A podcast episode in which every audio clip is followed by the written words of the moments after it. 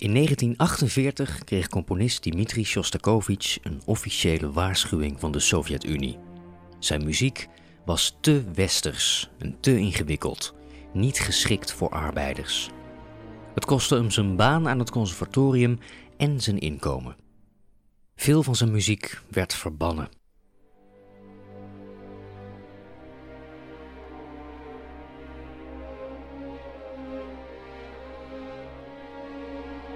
Een tijd lang was hij zo bang dat hij iedere nacht buiten bij de lift stond te wachten op zijn arrestatie. Dan werd in ieder geval zijn gezin maar niet bruut gewekt. Pas als Stalin in 1953 overlijdt, krijgt Shostakovich weer een beetje lucht. Hij wordt niet langer bij iedere fout geïnterpreteerde noot aangezien voor een landverrader. Zijn nieuwe vrijheid grijpt hij aan om een heel persoonlijk werk te schrijven, om eindelijk zijn handtekening te zetten. Ik ben Rahul Gandolage en ik neem je mee in Shostakovich's tiende symfonie.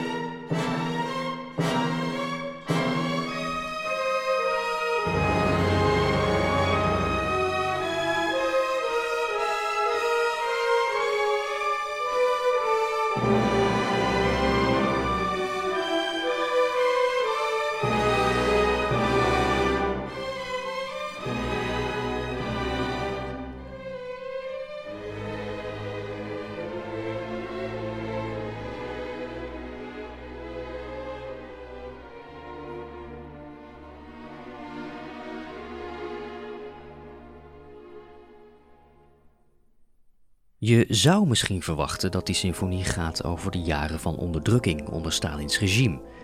Muzikologen staan in de rij met interpretaties. De Russische muzikoloog Solomon Volkov schreef er bijvoorbeeld in 1979 over in zijn boek Testimony. Het boek zou memoires van Shostakovich bevatten, maar het is erg onduidelijk welke teksten van Shostakovich en welke van Volkov zijn. Critici schrijven dat Volkov Shostakovich iets te graag als dissident van het Sovjet-regime wilde portretteren. Schaarse radio- en tv-opnamen van Shostakovich tonen hem niet uitgesproken kritisch, maar wel politiek geëngageerd. Of het portret van Volkov nou wel of niet klopt, de tiende symfonie is in ieder geval geen autobiografie. In een interview weigert Shostakovich iets over de betekenis te zeggen. Laat mensen dat zelf maar uitzoeken, zei hij.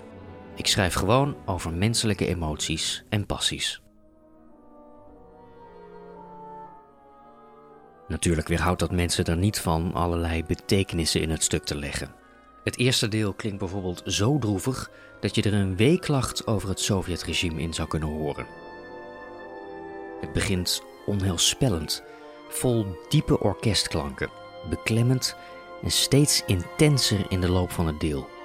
Eigenlijk zoals Stalin tot de dag van zijn dood de teugels aantrok.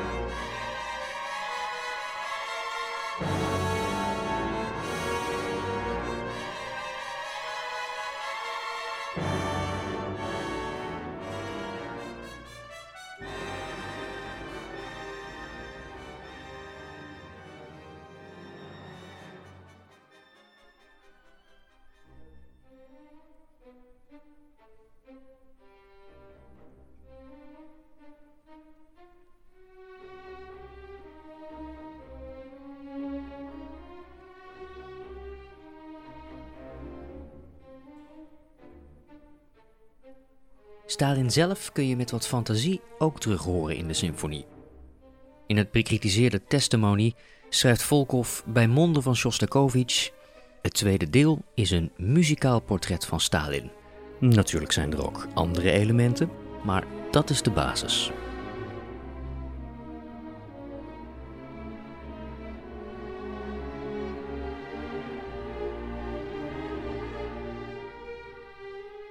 Of Shostakovich dat inderdaad heeft gezegd, weten we niet.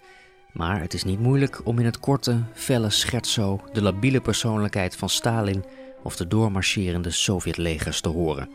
Anderen horen in het scherzo zelfs Stalins manier van praten.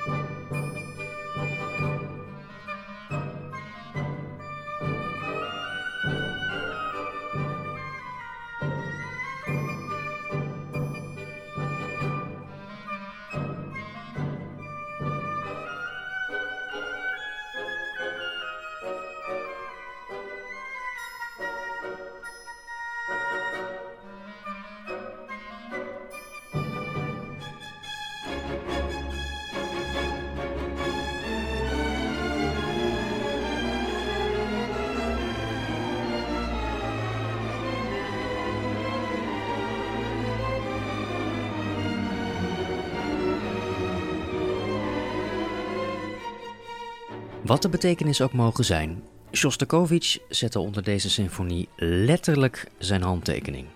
Met de noten D, S, C, H, de H is een B in het Duits, verwijst hij in het derde deel triomfantelijk naar zijn eigen voorletters. In het derde deel duikt de handtekening in allerlei gedaanten en variaties op.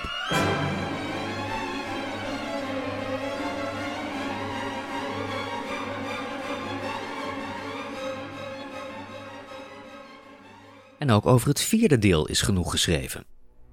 Het opent langzaam en kil, maar al gauw verschijnt er een onschuldig, maar ook onheilspellend wijsje.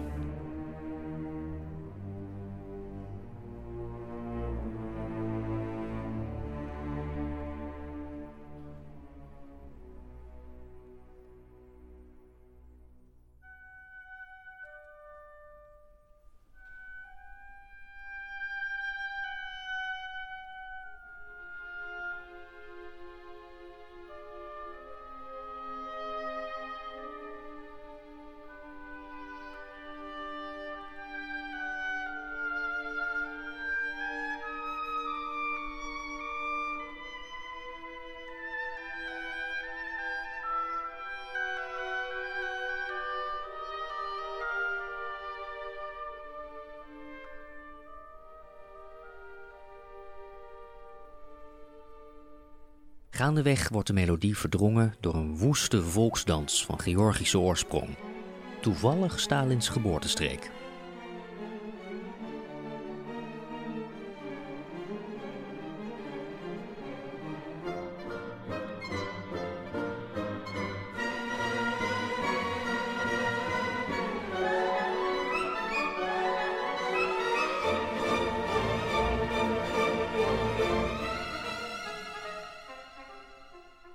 Als het geweld voorbij is, zet Shostakovich nog één keer zijn muzikale handtekening. Als een soort kreet van politieke en persoonlijke overwinning.